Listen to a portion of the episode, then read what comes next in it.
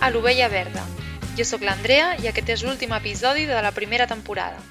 Veureu que aquest episodi és una mica diferent perquè l'hem rescatat de la pàgina web de l'Espluga Ràdio, on emeten els nostres episodis de l'Ovella Verda. Així que està editat amb el seu format. Esperem que el gaudiu i ens escoltem el següent. Endavant, Marta!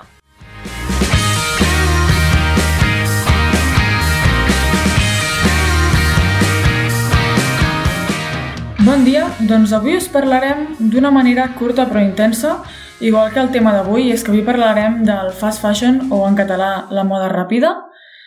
I, bé, començarem explicant què és això de la moda ràpida.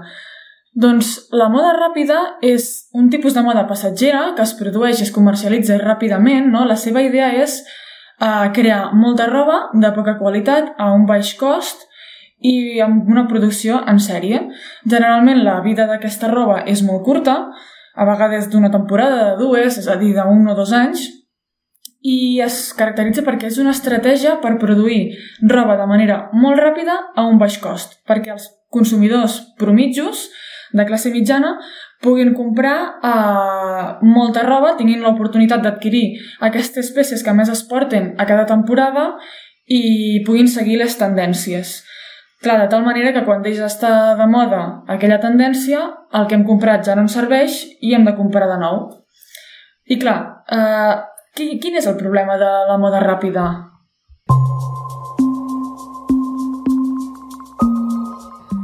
Per una banda, tenim els costos ambientals i per una altra els costos socials. És a dir, el problema és que la indústria tèxtil és de les més contaminants del planeta i amb una gran explotació laboral darrere. Anem a veure una mica primer els costos ambientals. Primer és que utilitzen fonts d'energia no renovables. Després també sabem que emeten molts gasos d'efecte hivernacle, entre ells el famós diòxid de carboni. També utilitzen en la fabricació d'aquestes robes utilitzen moltíssima aigua. Per produir una samarreta de cotó es necessiten gairebé 3.000 litres d'aigua, 2.700 per ser, per ser específic. I això equival, per imaginar-nos una mica, equival a una piscina de plàstic inflable, però de les grans, eh? no de les petites, sinó que de les grans. També es contamina l'aigua. En la seva fabricació, en la seva producció, s'utilitza aigua i es contamina l'aigua. Les, les, la roba té a vegades toxines i té microplàstics, en el cas de la roba es diuen que són microfibres. Aquestes microfibres, eh, fetes normalment de, de manera sintètica, no de cotó ni orgànic, quan es renten a la rentadora, aquestes microfibres passen a, fins a no passen pel sistema de filtre, no es poden retenir i passen als rius, als llacs eh, i contaminen, poden contaminar mars i oceans. A més d'això, també hi ha una gran generació de residus, perquè moltes vegades llancem la roba i pensem que d'alguna manera potser arribarà a algun lloc de reciclatge, però en realitat no es pot reciclar bé i s'acumula als abocadors moltíssimes i moltíssimes quantitats de roba on els seus materials contaminen el planeta durant centenars d'anys. I no s'acaba aquí la problemàtica amb la moda ràpida, sinó que, com ja sabem, tenen molts costos socials associats i és que la majoria de les treballadores i treballadors que fabriquen aquestes peces de roba viuen en països empobrits. I això doncs, ja us podeu imaginar en quines condicions viuen, no? condicions inhumanes. A més a més, el 85% d'aquests treballadors són treballadores i són menors d'edat. Per tant, eh, estem també parlant d'explotació infantil. Són persones que estan guanyant dos dòlars al dia i ja hem explicat que doncs, té condicions de treball inhumanes. Exacte, tot molt, tot molt precari.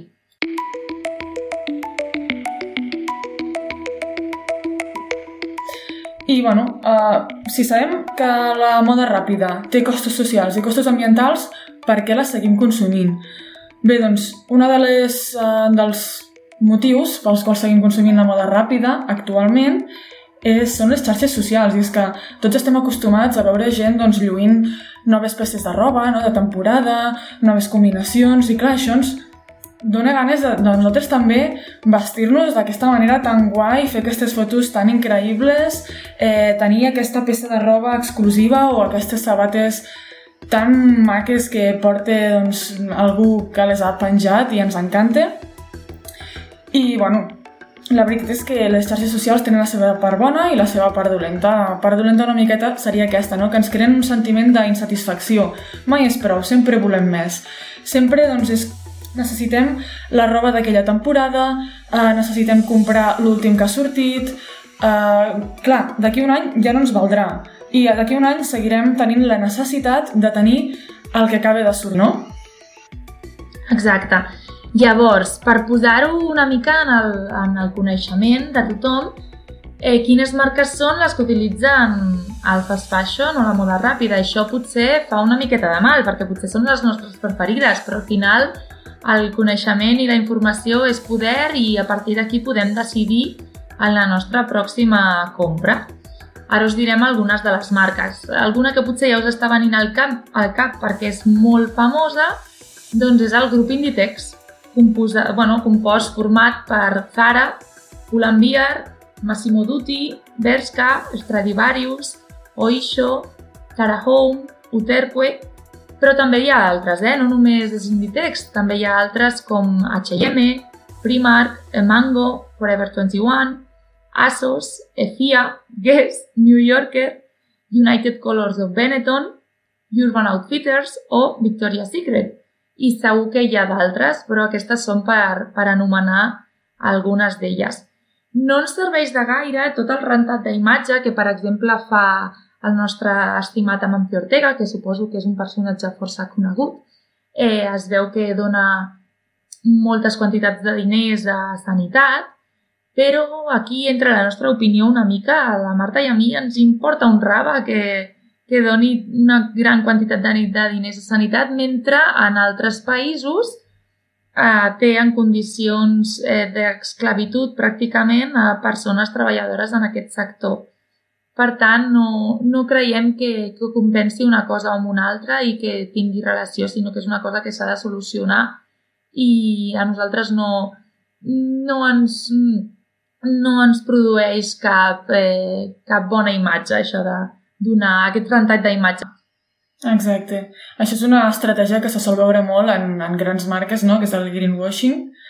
Exacte. Però, sí, però bé, que no, no ens convenç perquè un cop comences a indagar i veus realment que és, és com una façana, no? que realment darrere aquesta marca doncs, no és verda, no és sostenible, cau una mica tot pel seu propi pes. Sí, ni és humana tampoc. Un washing sí. allà ben potent, tant ambiental com social. Exacte.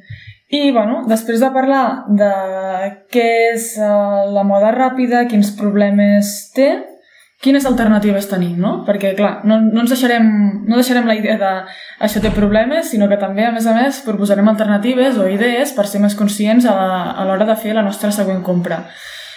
Primer, una idea una mica idíl·lica, no?, que seria no consumir. Sabem que això no... no clar, no, la no gran, podem... El gran repte. El gran repte. Sabem que això no, no pot ser del tot real perquè, evidentment, en algun moment necessitarem roba, necessitarem vestir-nos o comprar-nos unes noves sabates. Llavors, què, què hem de fer? Per Però començar... podem intentar, eh? Ho podem intentar. Podem intentar-ho. Eh, fer aquest treball, aquest exercici increïble a la nostra ment, que és fer-nos aquesta pregunta de abans de comprar qualsevol cosa, realment ho necessito? Perquè potser sí, eh? Però, però potser no. Llavors hem d'intentar una miqueta, eh, just abans de consumir alguna cosa, de comprar, pensar-nos si realment és una necessitat de debò o és eh, producte de veure tantes xarxes socials i, i que aquestes ganes, no? Potser podem triar. Però bueno, si, hem, si al final hem de consumir, anem a veure maneres més sostenibles. Totalment, sí, sí, aquesta pregunta és molt important, fer-nos-la abans de consumir. Doncs això que deies, Andrea, si hem de consumir, què, què fem? Primer, pensar que segurament al nostre armari ja tenim robes de, de fast fashion, no? de moda ràpida, que no ens preocupem, si la tenim, doncs gaudim-la, no? Usem-la. Sí, utilitzem-la, exacte. Sí, i no ens preocupem, perquè ja la tenim, ja està. No, no es tracta de donar la roba que tenim de, de moda ràpida i adquirir-la adquirint de nova que no sigui de moda, de moda ràpida. Si ja tenim aquesta roba, doncs utilitzem-la i, i donem-li un ús. Sí. Que necessitem una nova peça, realment ens ho hem pensat, ens hem fet la pregunta de ho necessito realment i la resposta ha sigut sí, doncs tenim opcions. Podem comprar, sobretot, roba de, de proximitat, no? de qualitat, que ens duri. Pensar també que si ens hem de comprar una peça de roba, una miqueta fer la idea aquesta doncs, a llarg plaç de... Bueno, aquesta peça m'ha de durar, m'ha de servir per bastants anys, no? Que, que Clar, no sigui pensar, una pensar bona... a llarg plaç.